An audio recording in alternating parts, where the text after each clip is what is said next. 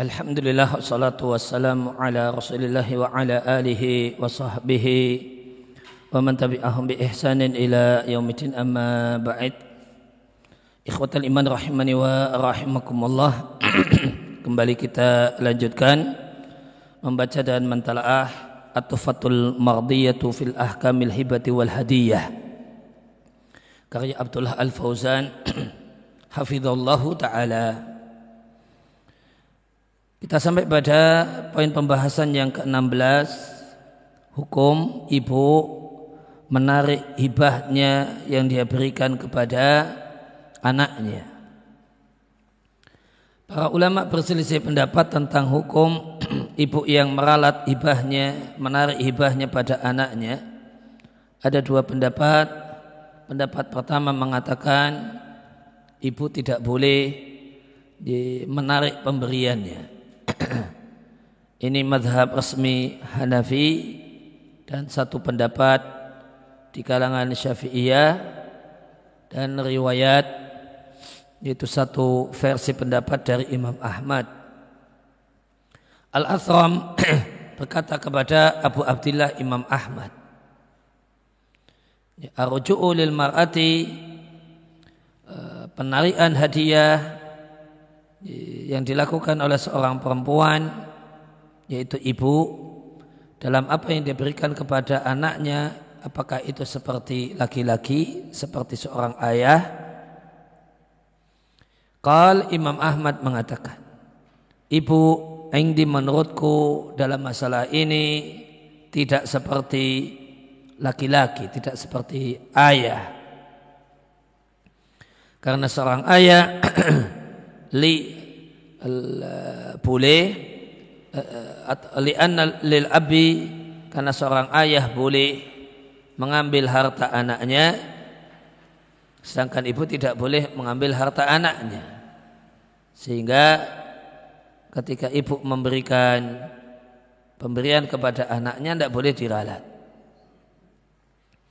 Mereka berdalil dengan hadis Ibunda Aisyah radhiallahu anha Bahasanya Nabi Shallallahu Alaihi Wasallam bersabda, Ina atyaba ma akaltum min kasbikum. Makanan yang paling enak yang kalian makan adalah yang berasal dari jerih payah kalian. Wa inna auladakum min kasbikum. Dan anak kalian adalah bagian dari jerih payah kalian. Diriatkan oleh Abu Dawud dan eh, eh, Abu Dawud, Tirmidzi dan yang lain. Sisi pendalilan Nabi Shallallahu Alaihi Wasallam mengkhususkan laki-laki yang disebut. Fadalla maka ini menunjukkan bahasanya ibu tidak seperti itu. Sebagaimana mereka beralasan bahwasanya ayah itu memiliki wilayah kekuasaan atas anaknya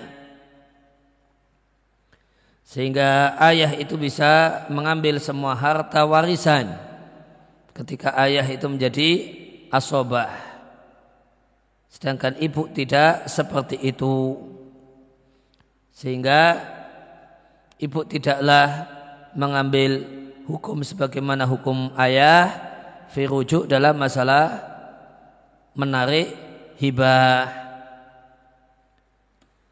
Pendapat yang kedua ibu memiliki hak untuk arujuk menarik hibah. Arujuk fi hibatiha menarik hibah yang dia berikan pada anaknya. Dan ini adalah satu kaul satu pendapat di kalangan syafi'iyah. Bahkan ini adalah pendapat yang al-asah dan pendapat yang masyhur. Perlu diketahui kalau dikatakan al-asah itu kebalikannya artinya sahih.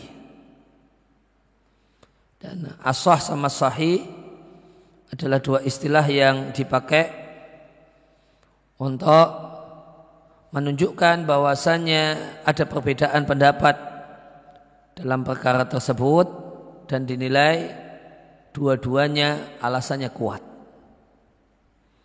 Pendapat yang diberi label sahih itu pendapatnya kuat, hanya saja pendapat yang di yang mendapatkan label asah itu dinilai pendapatnya dan alasannya lebih kuat.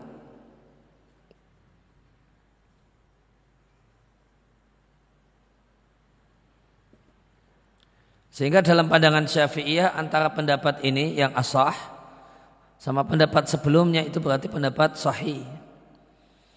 Ini dalam pandangan mereka argumentasi dua pendapat ini sama kuatnya. Cuma ya, karena harus dipilih dinilai ini yang lebih kuat. Kemudian juga pendapat Imam Malik dan Imam Ahmad dalam satu riwayat, dalam satu versi dari kedua imam tersebut. Demikian juga pendapat Zahiriyah. Sedangkan Imam Malik di versi yang lainnya mengatakan wahia seorang ibu anal walada jika anaknya itu yatim tidak halal baginya untuk menarik hibah. Dan inilah yang menjadi resminya madhab di kalangan Malikiyah.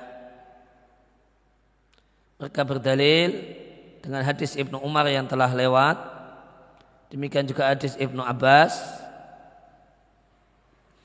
radhiyallahu anhuma dari Nabi sallallahu alaihi wasallam Nabi mengatakan la yahilu li muslimin. Tidak boleh bagi seorang lelaki muslim memberi satu pemberian kemudian menarik pemberiannya. Ilal walid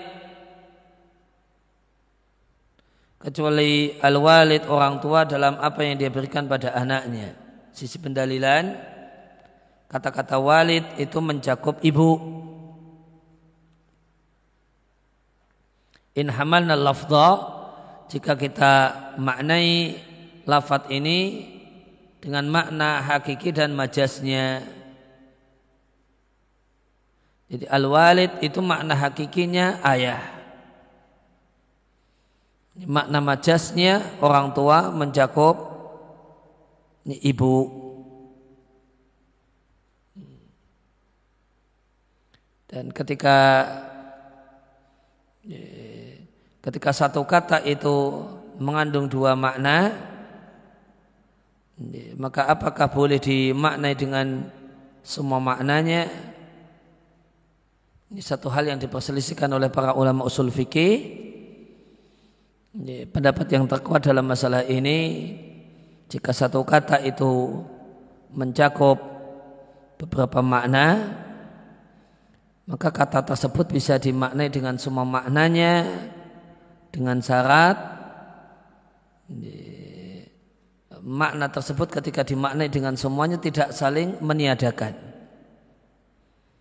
Ada di sini al-walid di sini kalau kita maknai ayah sama ibu tidak saling meniadakan, tidak kontradiktif. Nah ini kalau pakai kaidah ini maka al-walid di sini bisa ayah sebagaimana makna hakikinya atau makna asalnya kemudian bisa ibu dan dimaknai dua-duanya. Wa illa jika kita harus milih salah satu maka al-walid artinya ayah. Namun al-haqna al-um. Al-haqa itu kalau dalam bahasa fikih eh, maknanya atau terjemahnya adalah kias. Maka al-haqna al-umma bil abi. Kita kiaskan ibu kita kiaskan ibu ke ayah. Apa ilahnya apa titik kesamaannya? Kalau ilah harus ada uh, titik kesamaannya. Jawabannya karena kesamaan keduanya dalam hak terhadap anak Sebagaimana mereka juga beralasan bahasanya ibu tatkala ibu itu sama dengan ayah dalam keharaman mengunggulkan, meng mengistimewakan salah satu anak, maka sepatutnya ibu juga sama dengan ayah dalam kemampuan untuk membatalkan hibah yang gara-gara hibah itu berarti ibu melebihkan satu anak dibandingkan yang lain. Kan ini solusi supaya eh, solusi supaya bisa terhindar dari hal yang haram. Kalau ibu itu terlanjur memberikan salah satu anak lebih banyak daripada anak yang lain, kalau dia tidak tidak boleh meralat, tidak boleh menarik pemberiannya, nanti gimana solusinya? Padahal ibu sama dengan ayah dalam masalah haram melebihkan satu anak tanpa yang lain. Dan ketika ini terlanjur terjadi, maka solusinya adalah ibu boleh meralat, menarik sebagian hibahnya atau ke seluruh seluruh hibahnya. Ya, dengan uh, mal, uh, bisa menarik uh, hibahnya takhlisan laha minal ithmi dalam rangka uh, membebaskan ibu dari dosa yaitu dosa melebih mengutamakan sebagian anak dibandingkan yang lainnya. Wal izalatin litafdil dan untuk menghilangkan at-tafdil al-muharram diunggulkannya sebagian anak daripada yang lainnya yang hukumnya haram. Kal abi seperti seperti halnya ayah. Adapun uh, versi yang kedua dari pendapat Imam Malik, beliau membedakan antara anak yatim dan bukan anak yatim. Jika anak yang diberi itu adalah yatim, maka tidak boleh pemberiannya ditarik.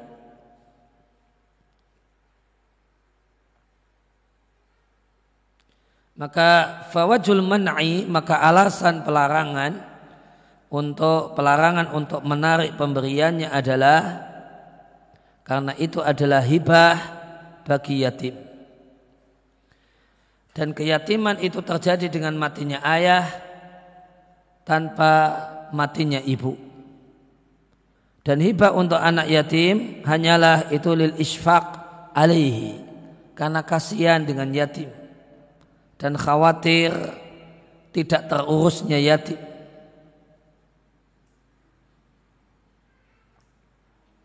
Wahada maknahu dan ini arti wahada dan ini makna maknanya pemberian untuk yatim itu statusnya pemberian untuk yatim dari seorang ibu kepada anaknya yang posisinya adalah yatim itu berfungsi asilatu wal kurbatu silah menjalin hubungan baik dengan kerabat. Kerabat definisinya adalah orang yang punya hubungan darah. Dan anak itu bagian dari kerabat kalau dalam bahasa Arab.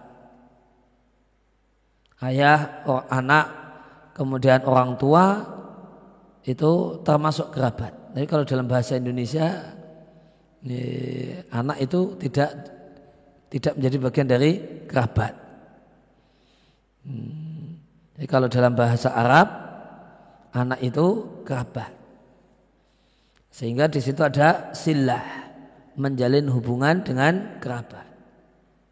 Dan karena ini kasihan dengan anak yatim, maka di situ ada uh, kurbah. Ada amal untuk mendekatkan kepada Allah. Oleh karena itu hukum hibah untuk anak yatim hukumnya hukum sedekah. Kalau sedekah tidak boleh diralat. Ini penjelasan kenapa Imam Malik dalam pendapat yang kedua membedakan antara anak yatim dan bukan anak yatim. Pendapat yang kuat, ya wallahu a'lam, ya pendapat yang kuat menurut penulis, ibu boleh menarik hibah, menarik hibahnya yang dia berikan kepada anaknya karena kuatnya dalil yang mereka sebutkan dan karena pertimbangan hak ibu atas anak itu tidaklah lebih kecil, lebih sedikit dibandingkan hak ayah atas anak. Bahkan kemungkinan yang lebih mendekati hak ibu itu lebih besar daripada hak ayah sebagaimana terdapat dalam hadis. Suma kemudian alasan yang lainnya menarik pemberian itu terkadang ya ta'ayyan sebuah keniscayaan tarikon jalan sebuah jalan keniscayaan untuk menghilangkan apa yang terjadi berupa minjaurin, berupa kezaliman karena tidak berlaku adil antara anak dalam hibah. Dan ini jika ibu tidak memiliki harta yang bisa diberikan kepada al-baqiyah anak-anak yang lain.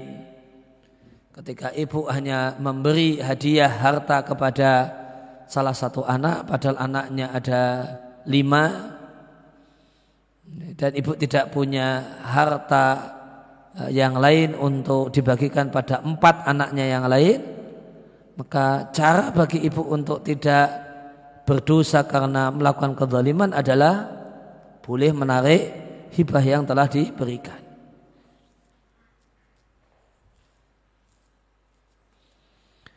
Adapun ibu tidak punya kekuasaan atas anaknya maka itu disebabkan makanat alaihil mar'atu kondisi perempuan yang lemah secara fisik. Sedangkan wilayah kekuasaan itu memerlukan kuatnya fisik wahazm dan kuatnya tekad. Akan tetapi kelemahan ini tidaklah menghilangkan dari seorang ibu hak untuk boleh meralat hibah Lianna hadha karena hal ini adalah bagian dari kebaikan. Dan ini berbeda dengan masalah al-wilayah atau kekuasaan.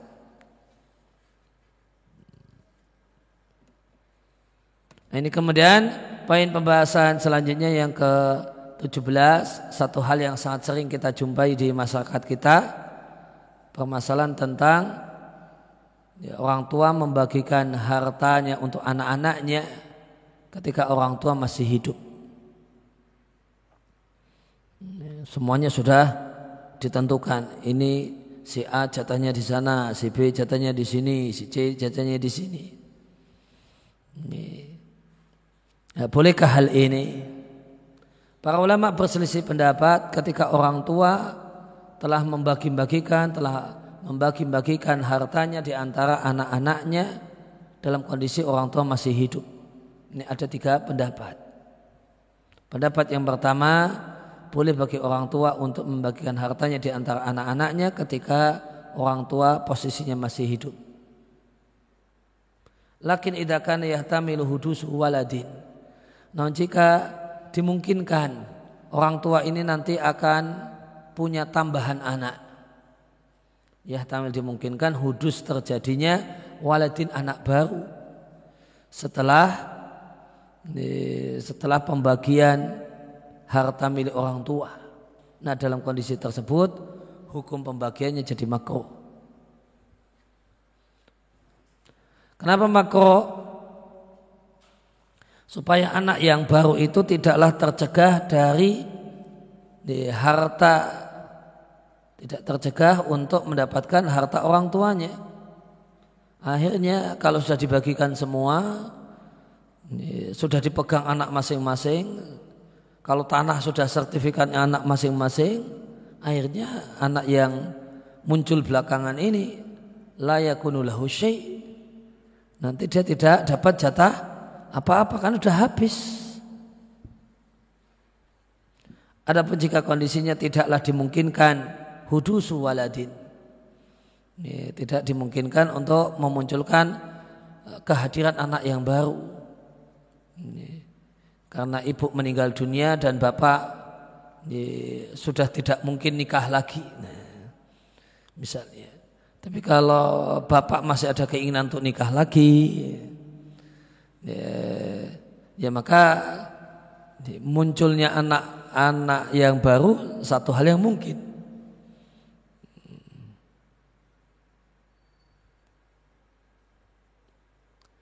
Jika tidak dimungkinkan hudusu waladin kehadiran anak yang baru fala karohata maka tidak ada hukum makruh karena hilangnya alasan yang mengharuskan laha untuk adanya hukum makruh. Imam Ahmad rahimallahu taala mengatakan dan perkataan beliau diriwayatkan oleh Muhammad ibn Hakam. Imam Ahmad mengatakan ahabu ilayya yang lebih aku sukai orang tua tidak membagikan hartanya. Yada'uhu ala faraidillahi.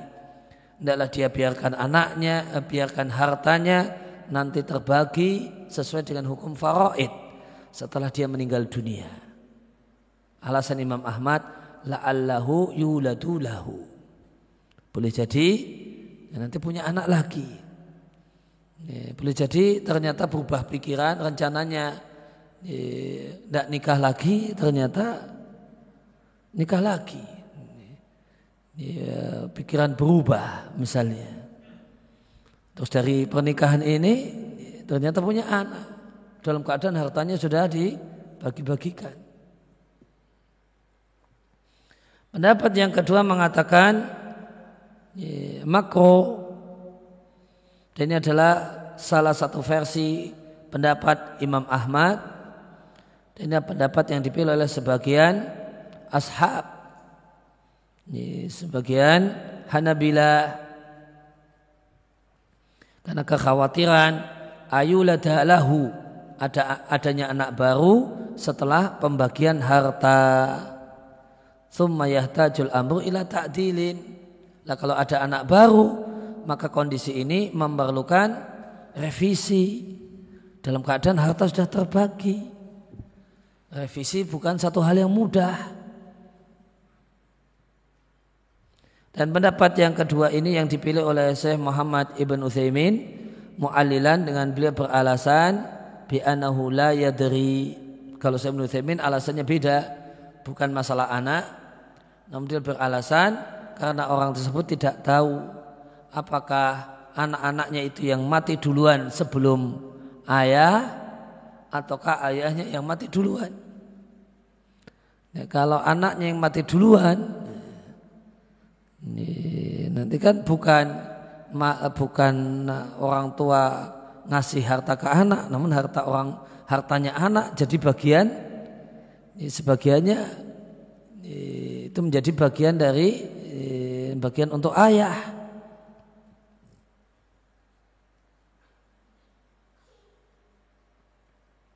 Kemudian alasan yang lainnya, ayah orang tua juga tidak tahu apakah keadaan berubah atau keadaan tidak berubah.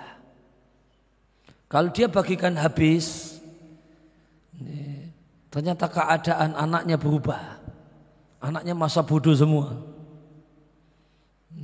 tidak memikirkan orang tuanya dan itu banyak kasus kalau di di masyarakat kita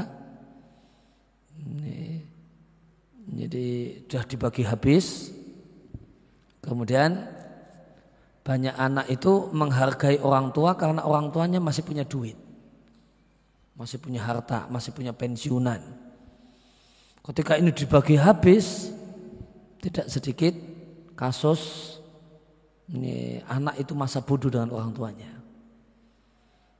Itu banyak itu. Dan kalau kalau begini keadaannya gimana coba?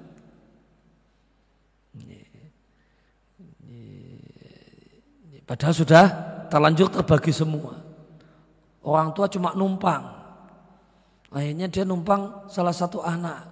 Nah anaknya merasa ini sudah menjadi hak miliknya ngomong kasar sama orang tuanya, maki-maki.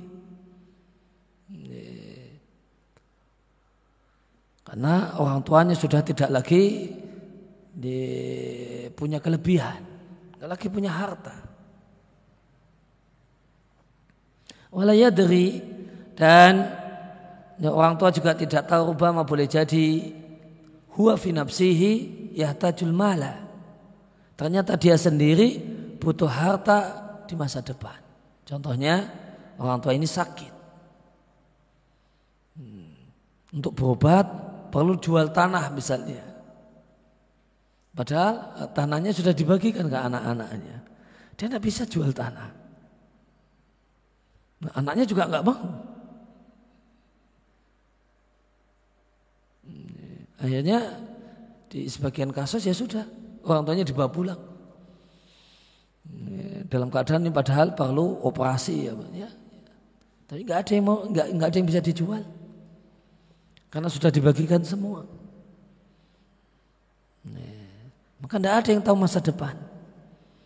Tidak ada yang tahu masa depan. Sehingga kata Sayyid Nusaymin, fal aula maka yang lebih utama adalah orang tua ini an yahtafidha fi malihi. Ya, dia adalah dia simpan hartanya. Sebagaimana sabda sabda Rasul sallallahu alaihi wasallam tentang al umrah. Al umrah itu hibah bersyarat hanya berlaku sepanjang hidup orang yang diberi hibah. Ada orang memberi hibah kepada uh, seseorang rumah misalnya, rumah ini milikmu selama engkau hidup. Nanti setelah meninggal dunia balik ke saya. Seandainya engkau meninggal dunia, engkau meninggal dunia e, lebih dulu, nanti harta itu balik ke saya. Nah ini di antara model hibah di masa jahiliyah. Ini ada namanya hibah umroh. Dan untuk e, hibah umroh ini Nabi katakan di ketentuannya di Islam itu tidak balik. Itu jadi itu jadi miliknya penuh karena sudah dihibahkan.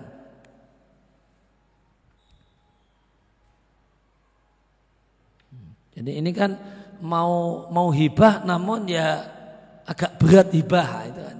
Orang ngasih umroh itu kan mau dilepas total, ya, pingin hibah, pingin ngasih, tapi eh, nggak eh, mau dilepas total.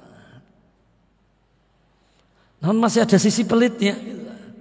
Kalau betul-betul nggak pelit ya sudah ini untukmu gitu kan.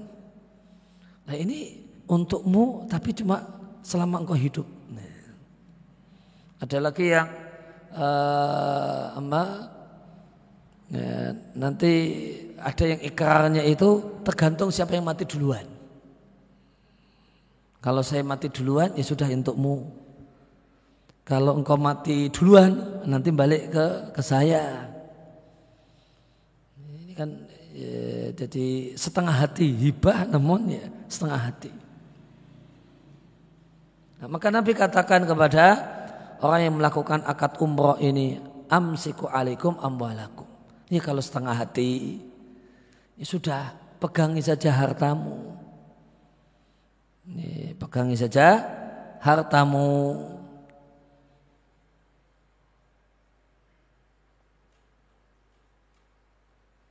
Nah hadisnya riwayat Muslim.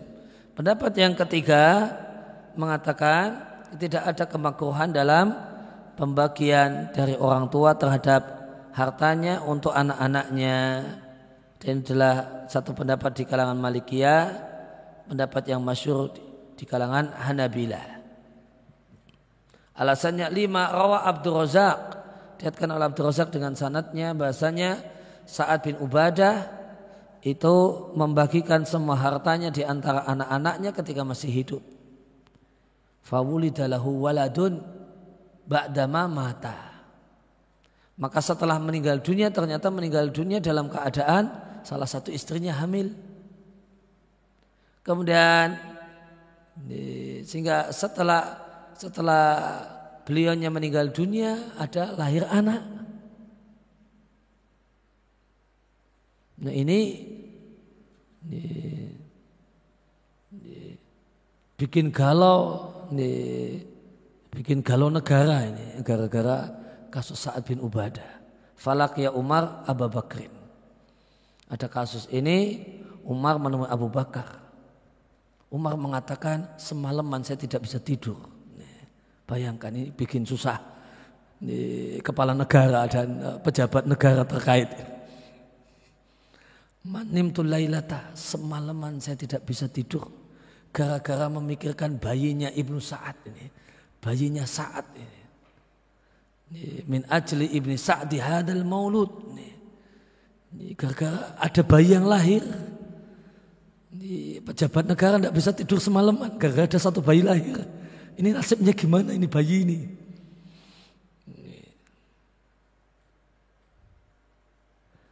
Dan ini anaknya saat hadal maulud bayi ini walamnya lahu syai'an. Dalam keadaan bapaknya meninggal dunia dan tidak meninggalkan apa-apa karena semuanya sudah dibagikan. Pejabat negara nggak bisa tidur semalaman. Dan kepala negaranya juga sama ternyata. Abu Bakarnya jadi kepala negara ketika itu mengatakan wa ana wallahi manimtu lailata. Demi Allah, semalaman nggak bisa nggak bisa memejamkan mata sedikit pun. Wallahi demi Allah, saya juga semalaman tidak bisa tidur.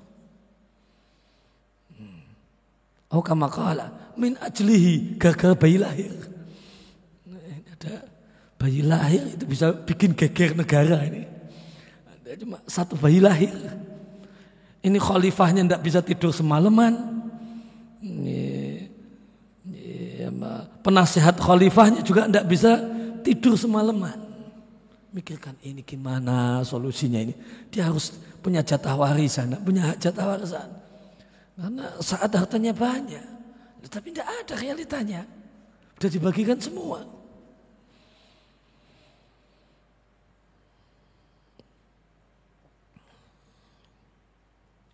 Ya akhirnya eh, Abu Bakar mengatakan, Fantalik bina.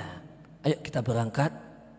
Kita temui Qais anaknya Sa'ad nukallimuhu fi akhihi. Kita melakukan negosiasi ke Qais ini. Ini kita bicarakan tentang nasib adiknya bayi yang baru lahir ini. Ini jatahnya gimana ini? Hak warisannya gimana ini? Fa'atayahu fakallamahu. Ya, maka Abu Bakar dan Umar itu mendatangi Qais, anaknya Sa'ad dan melakukan negosiasi kepada kepada Qais. Faqala Qaisun, Qais mengatakan, "Amma sya'un amdahu sya'dun fala arudduhu abada." Mungkin ini anak laki-laki yang paling tua atau yang paling berpengaruh di antara di antara keluarganya, di antara adik-adiknya. Ya Qais mengatakan adapun sesuatu yang sudah dijalankan oleh ayahku saat maka aku tidak akan menariknya sama sekali. Ya, sudah dibagi ya. Sudah. Ini kata Kais. Walakin ushidukuma. Akan tapi sebagai solusi aku jadikan kalian berdua saksi. Jadikan kalian Abu Bakar dan Umar sebagai saksi ana nasibi lahu. Jatah warisanku, jatahku yang kemarin diberikan oleh saat seluruhnya saya berikan kepada adikku itu yang baru semalam atau kemarin baru lahir itu.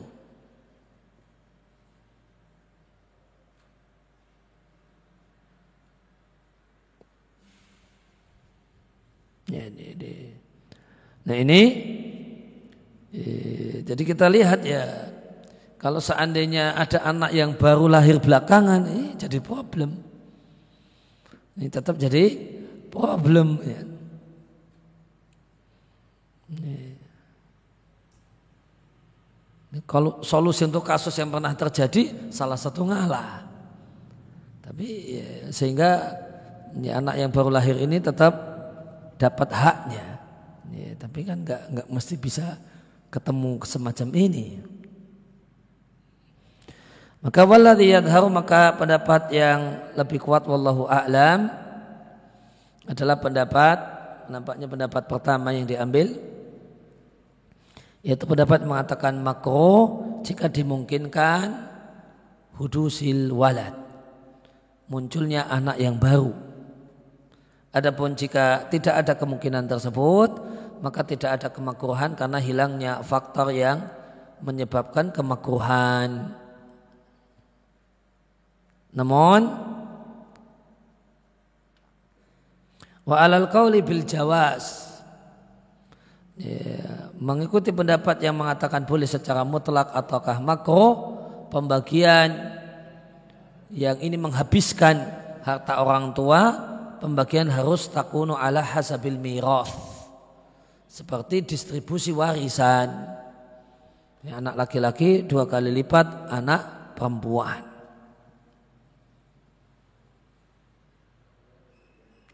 Fa'in kusima jika sudah didistribusikan. Thumma wulidalahu walad. Kemudian ternyata ada ini, anak baru yang lahir. Sebagaimana kasus Sa'ad bin Ubadah. Fa'in kana al-waladu fi hayatihi. Maka jika anak yang baru lahir itu lahir fi hayati dalam keadaan bapaknya masih hidup. Maka wajib atas bapak untuk memberikan perlakuan yang sama di antara anak-anaknya. Sehingga bapak ini punya kewajiban untuk menarik fayarji ala auladihi menarik dari anak-anaknya yang telah dia bagikan harta pada mereka, dia tarik hartanya ayah ini. Kemudian setelah ditarik, dia ambil dari mereka bagian anak yang terakhir.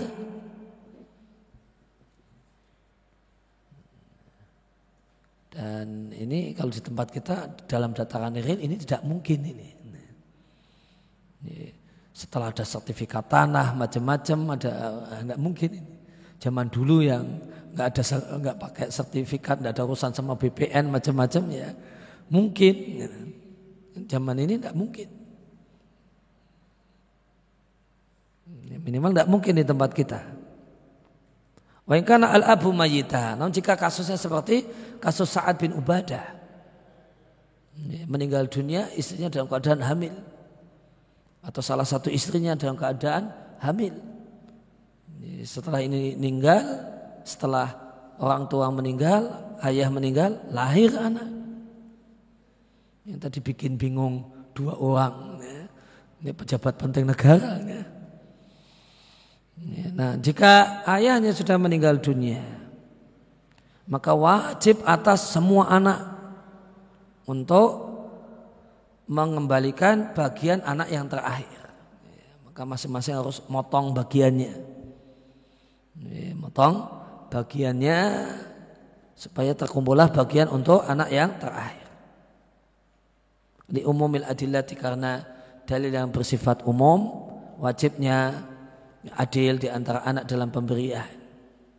Wahada minal qiyami dan jika uh, anak-anak ini mau maka ini bagian mau kemudian memotong bagian-bagiannya supaya uh, untuk menjadi bagian bagi uh, adiknya yang terakhir maka ini adalah bagian dari kiam menunaikan silah hubungan baik dengan saudara mereka adik mereka yang terakhir dan ini adalah bagian dari berbakti kepada ayahnya, ayah mereka setelah matinya ayah.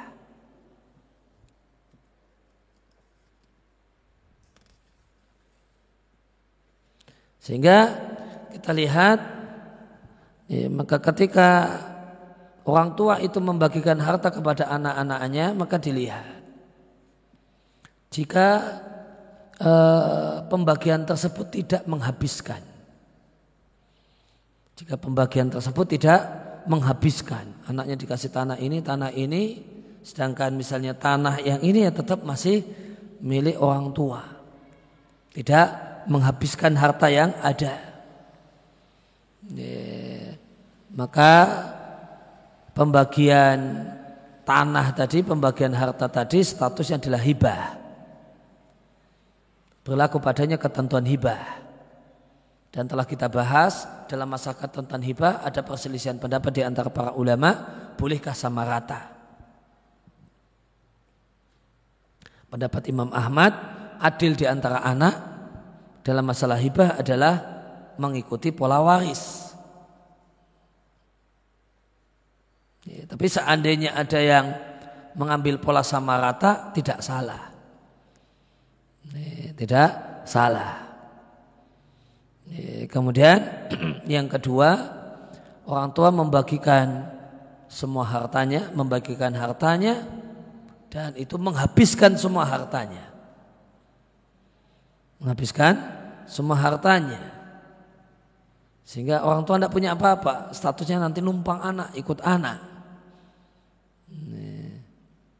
Maka ini yang kita bahas di sini.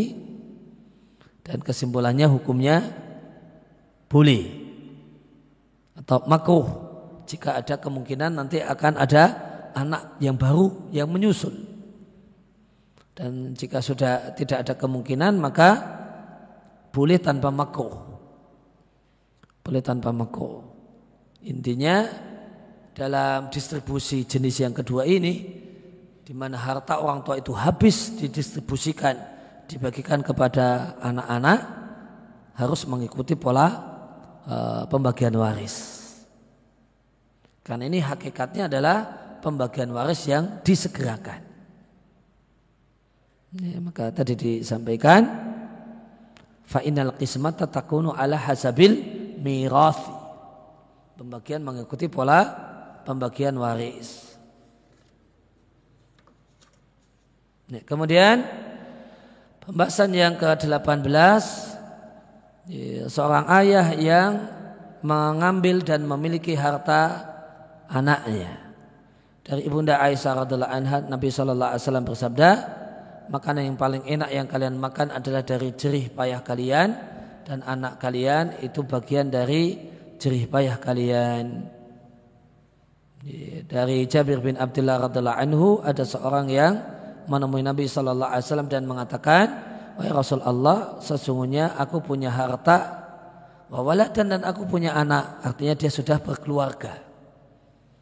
Anak ini sudah berkeluarga, dia sudah punya anak. Kemudian ayahku ingin yajtaha mali mengambil hartaku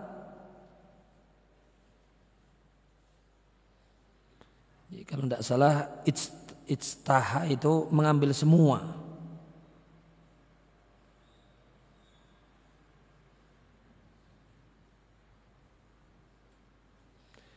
uh, saya cek dulu.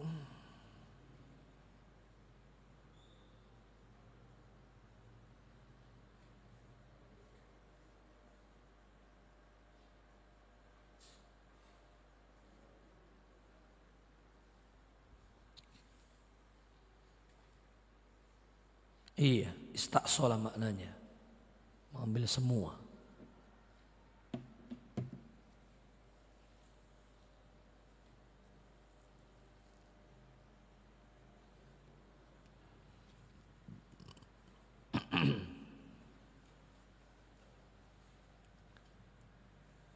Fakallah Rasulullah sallallahu alaihi wasallam Rasulullah sallallahu alaihi wasallam lantas bersabda anta wa maluka li abika.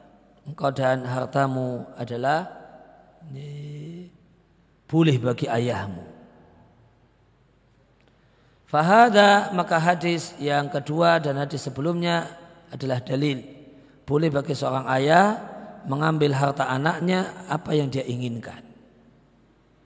Baik ayah itu posisinya kaya ataukah miskin. Baik anak itu posisinya di anak kecil atau kabiran atau dewasa. Kalau anak kecil ya, banyak di tempat kita ya. Eh, lebaran anaknya dapat ya, anaknya dapat kemudian uh, eh, THR nah, diambil sama bapaknya. Ya. Wahad marwiyun dan ini diambil uh, diriatkan dari sebagian sahabat semacam Umar, Ali, Ibnu Abbas, Jabir bin Abdullah, Anas dan Aisyah radhiallahu anhum. Dan sebagian salaf setelah sahabat semacam Hasan Al-Basri atau Mujahid bin Jabir dan yang lainnya. Dan ini adalah kalul Hanabila, satu pendapat di kalangan Hanabila. Ala ana allama karena lam di kata-kata li abika ini li tamlik atau lil ibahah. Milik ayahmu atau boleh diambil oleh ayahmu. Ibnu eh, Harab mengatakan, aku mendengar Imam Ahmad mengatakan, ya rajulu min mali waladihi masya'a. Seorang ayah boleh mengambil dari harta anaknya seberapapun banyak yang dia inginkan. Kultu harap bertanya. Meskipun ayah ini sebenarnya orang kaya, kata Imam Ahmad, iya.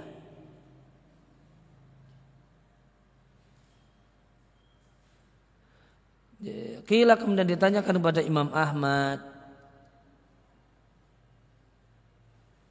Fa'inkana lil ibni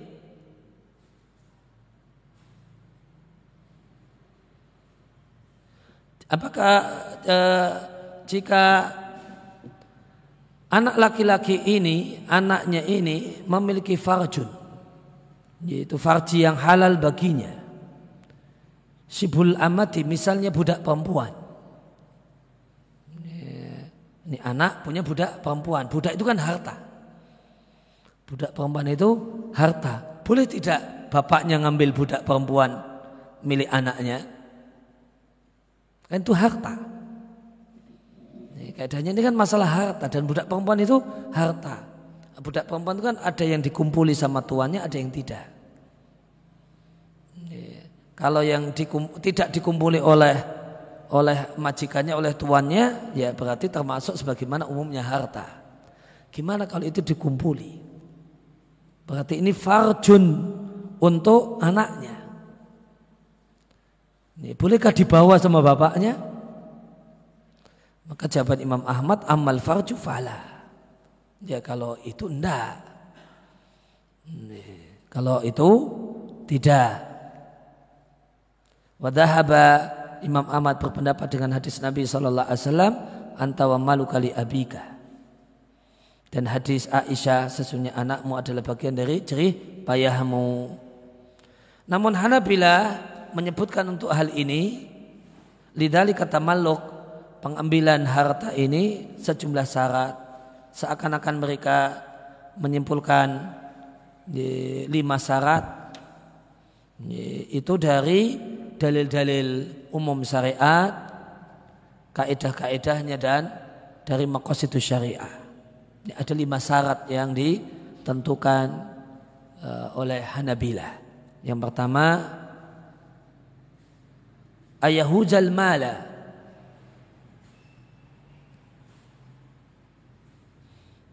Ayah itu mengambil harta.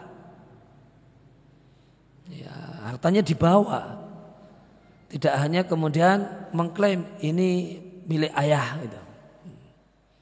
Wal maknanya seorang itu menggabungkan kepada dirinya syai'an sesuatu.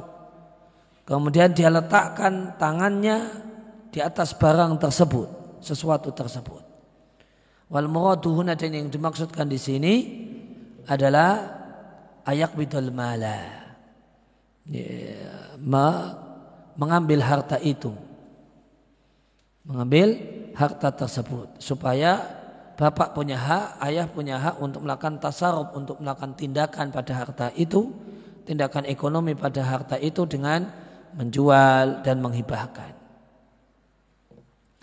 Maka jika seorang ayah itu melakukan tasarruf, melakukan tasarruf, melakukan tindakan ekonomi, fihi pada harta itu, sebelum dia ambil maka tindakan ekonominya tidak sah. Karena seorang ayah tidaklah memiliki dari harta anaknya illa bil qabdi. Kecuali ketika sudah terjadi serah terima belum diambil sudah dijual.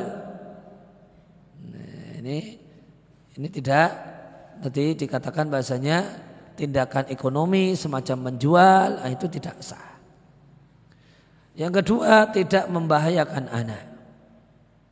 Kapan itu membahayakan? Jika hajat anak melekat pada harta itu.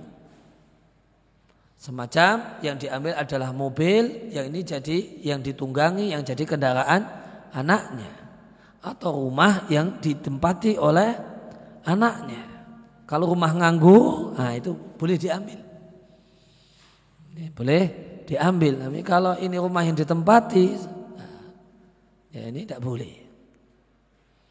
Alasannya karena hajat seseorang itu lebih didahulukan daripada utangnya. Sehingga kalau seandainya hajat itu lebih didahulukan dibandingkan ayahnya, maka itu bitorikil aula, itu lebih-lebih lagi. Syarat yang ketiga, uh, si ayah ini tidaklah mengkhususkan harta yang dia ambil dari harta anaknya tidak dia khususkan dan tidak dia berikan pada anak yang lain. Tidak boleh ngambil dari anak A motor diberikan pada anak B. Kenapa tidak boleh apa alasannya karena seorang ayah terlarang mengistimewakan sebagian anak dengan pemberian ya, pakai hartanya sendiri. Maka ayah ini dilarang untuk mengkhususkan sebagian anak dengan harta orang lain dengan harta anak yang lain itu lebih-lebih lagi. Kalau ini terjadi ngambil motornya A dikasihkan kepada anak B nanti kan terjadi pengistimewaan dalam pemberian. Karena berarti ayah ini cuma mengistimewakan B diberi pemberian tanpa anak yang lainnya termasuk A. Sehingga tidak boleh.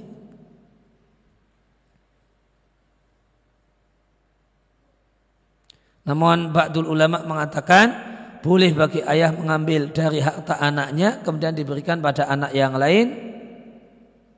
Manakala anak yang lain tersebut fakir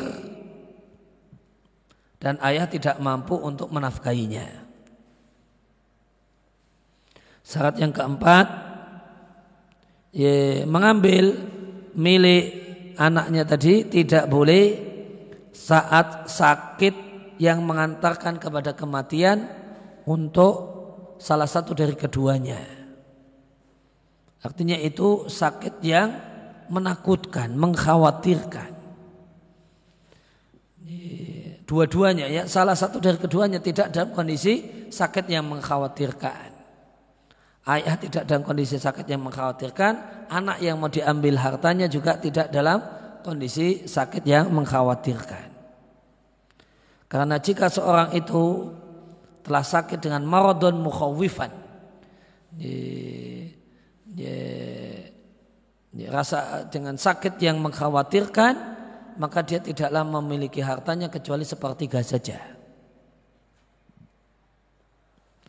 Maka jika yang sakit adalah ayah, maka tidak boleh baginya untuk ayat tamallaka mengambil harta anak dalam kondisi ini. Jika yang sakit adalah anak yang mau diambil hartanya, maka bapak maka ayah tidak boleh mengambil hartanya.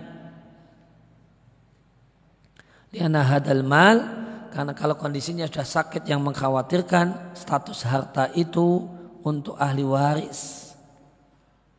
Lin iqadi sababil irsi karena sudah ada sebab warisan.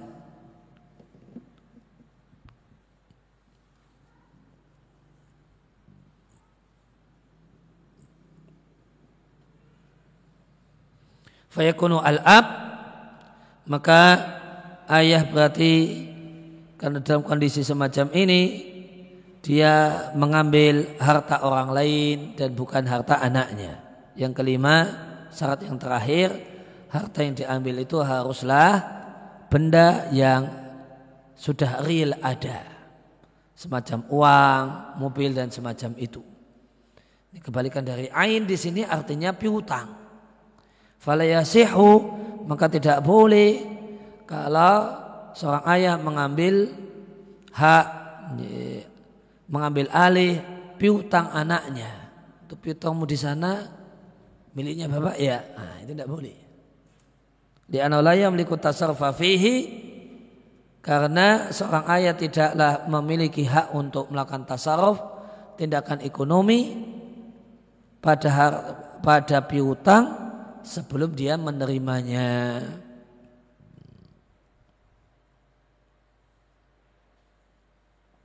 Jadi kalau Hana, Hanabila ayah bisa mengambil semaunya, masya'a.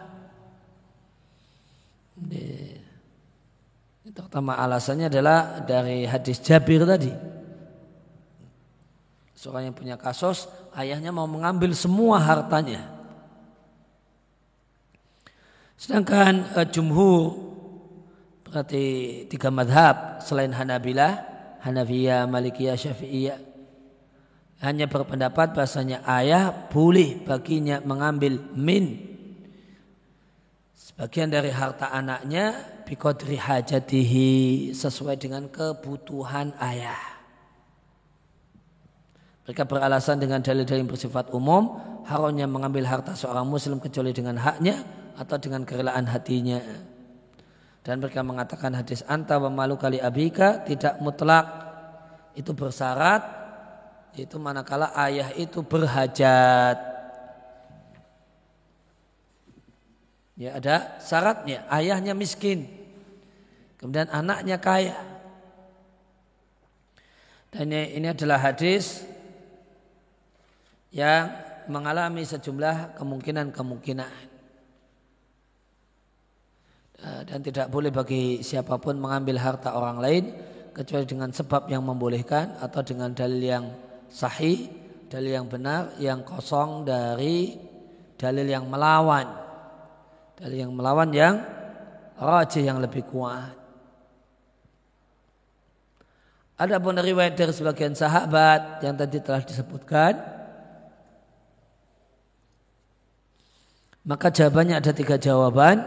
Sebagian riwayatnya itu bermasalah, sebagian riwayatnya itu daif, Kemudian riat yang sahih berlawanan dengan yang semisal. Karena dinukil dari sahabat yang lain semacam Ibnu Umar yang menunjukkan kalau harta anak tidak bisa dimiliki oleh ayahnya. Sedangkan di antara syarat mengambil pendapat seorang sahabat adalah tidak ada sahabat yang lain yang menyelisihinya. Jika ada sahabat yang lain yang menyelisihinya, maka tidaklah salah satu dari keduanya lebih utama dibandingkan yang lain.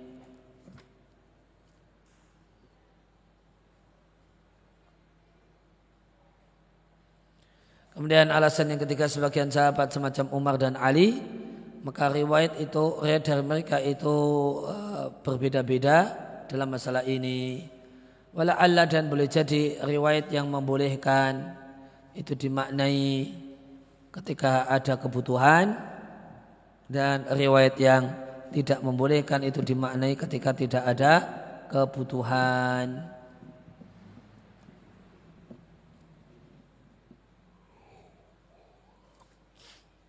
Ya ada pendapat Hana, Hanabilah dan ada tiga madhab. Walladhi yadharu pendapat yang lebih kuat. Wallahu a'lam pendapat yang lebih kuat menurut penulis adalah membatasi kebolehan untuk mengambil dengan hajat. Bahasanya membatasi hak ayah untuk mengambil harta anaknya itu manakala dibatasi hanya ketika ayah membutuhkan fihi wijahatun adalah satu pendapat yang kuat. Dan ini menggabungkan, mengkompromikan di antara berbagai macam dalil yang ada. Kesimpulannya maka jika ayah itu posisinya miskin, maka perkaranya itu gamblang. Yang kedua jika ayah itu kaya, dia tercukupi dengan hartanya maka tidak ada alasan untuk mengambil harta anaknya ilali aridin kecuali karena satu sebab. Dan berlapang-lapang dalam mengambil harta anak dalam kondisi ini tidak lepas dari bahaya. Wakat yakunu sababan asilan dan boleh jadi menjadi sebab yang mengakar untuk terjadinya putus hubungan kekerabatan, niza perselisihan, wasyikok dan sengketa. Ya, Ibnu Mansur atau yang lainnya pernah bertanya pada Imam Ahmad tentang seorang ayah yakulu min mali ibnihi yang makan dari harta anaknya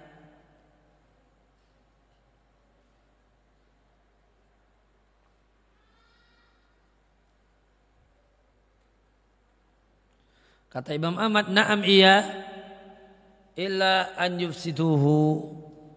Kecuali jika ayahnya itu merusak harta anak. Falahul kutu faqat, maka untuknya uh, makanan pokok saja wallahu a'lam.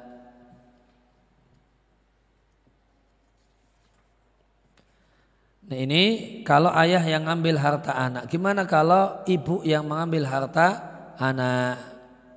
Hukum ibu mengambil harta anaknya. Ulama berselisih pendapat apakah ibu boleh mengambil harta anaknya seperti ayah ataukah tidak ada dua pendapat.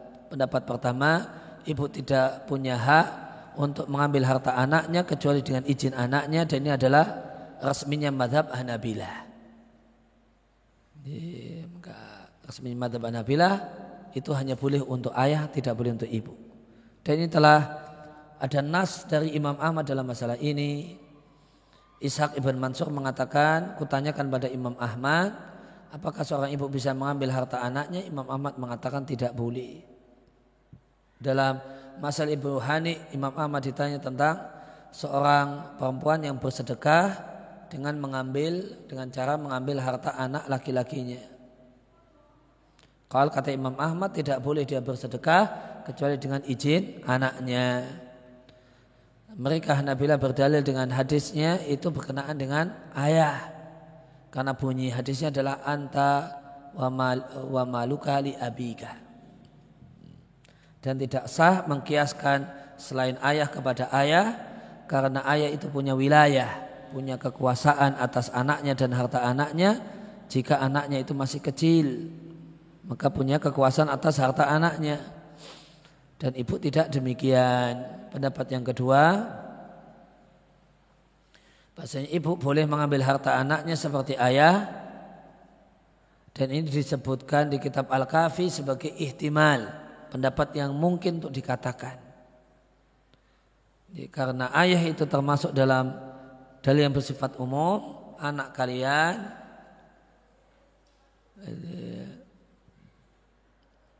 itu min kasbikum bagian dari jeripayah kalian. Anak kalian di sini ya, kalian adalah orang tua, kemudian auladikum ya ini semua anak. Ya pendapat yang dipilih oleh Syekh Abdullah Fauzan pendapat pertama yang lebih kuat dikarenakan kuatnya sisi pendalilannya, sisi pengambilan hukumnya.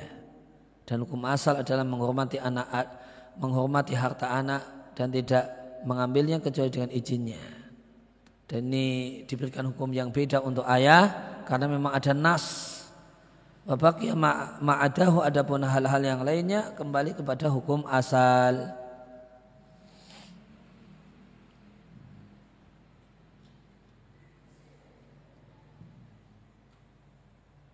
Akan tetapi ibu itu diberi dari harta anaknya yang mencukupinya dan boleh jadi inilah yang dimaksudkan dengan perkataan Ishak bin rahwayah atau rahuyah kulamah tajat jika setiap kali jika ibu itu memiliki hajat dia boleh mengambil uh, pakaian dan uang belanja dari anaknya dengan kadar yang patut seperti seorang ayah. Waya maka ibu itu seperti ayah wa ahsanu halan dan lebih baik keadaannya. Maka berdasarkan hal ini maka seorang ibu boleh memakan dan mengambil harta anaknya dengan kadar yang layak sebagaimana kata Ishak. Adapun mengambil harta anaknya tanpa batas, tanpa ada kebutuhan maka ini tidak boleh. Dan boleh jadi ini adalah maksud Imam Ahmad yang di satu versi melarang. Karena jika tangan perempuan itu dilepas bebas meskipun itu ibu lepas bebas mengambil harta anaknya maka kemungkinan besar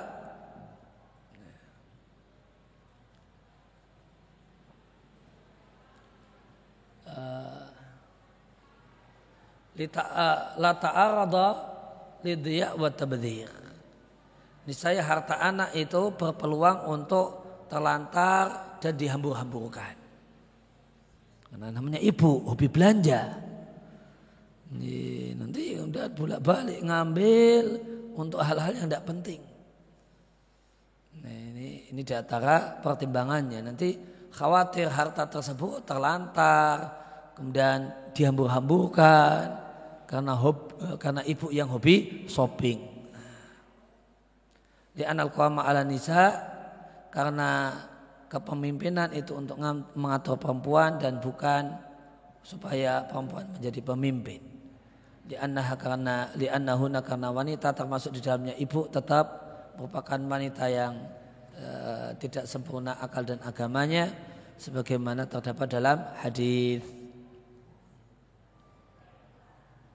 Ya, demikian yang kita uh, telah kita baca dalam kesempatan ini kali ini. Wasallallahu ala nabiyina Muhammadin wa ala alihi washabihi wasallam wa akhiru da'wana alhamdulillahi alamin. Subhanaka allahumma wa bihamdika asyhadu an la ilaha illa anta astaghfiruka wa atubu ilaik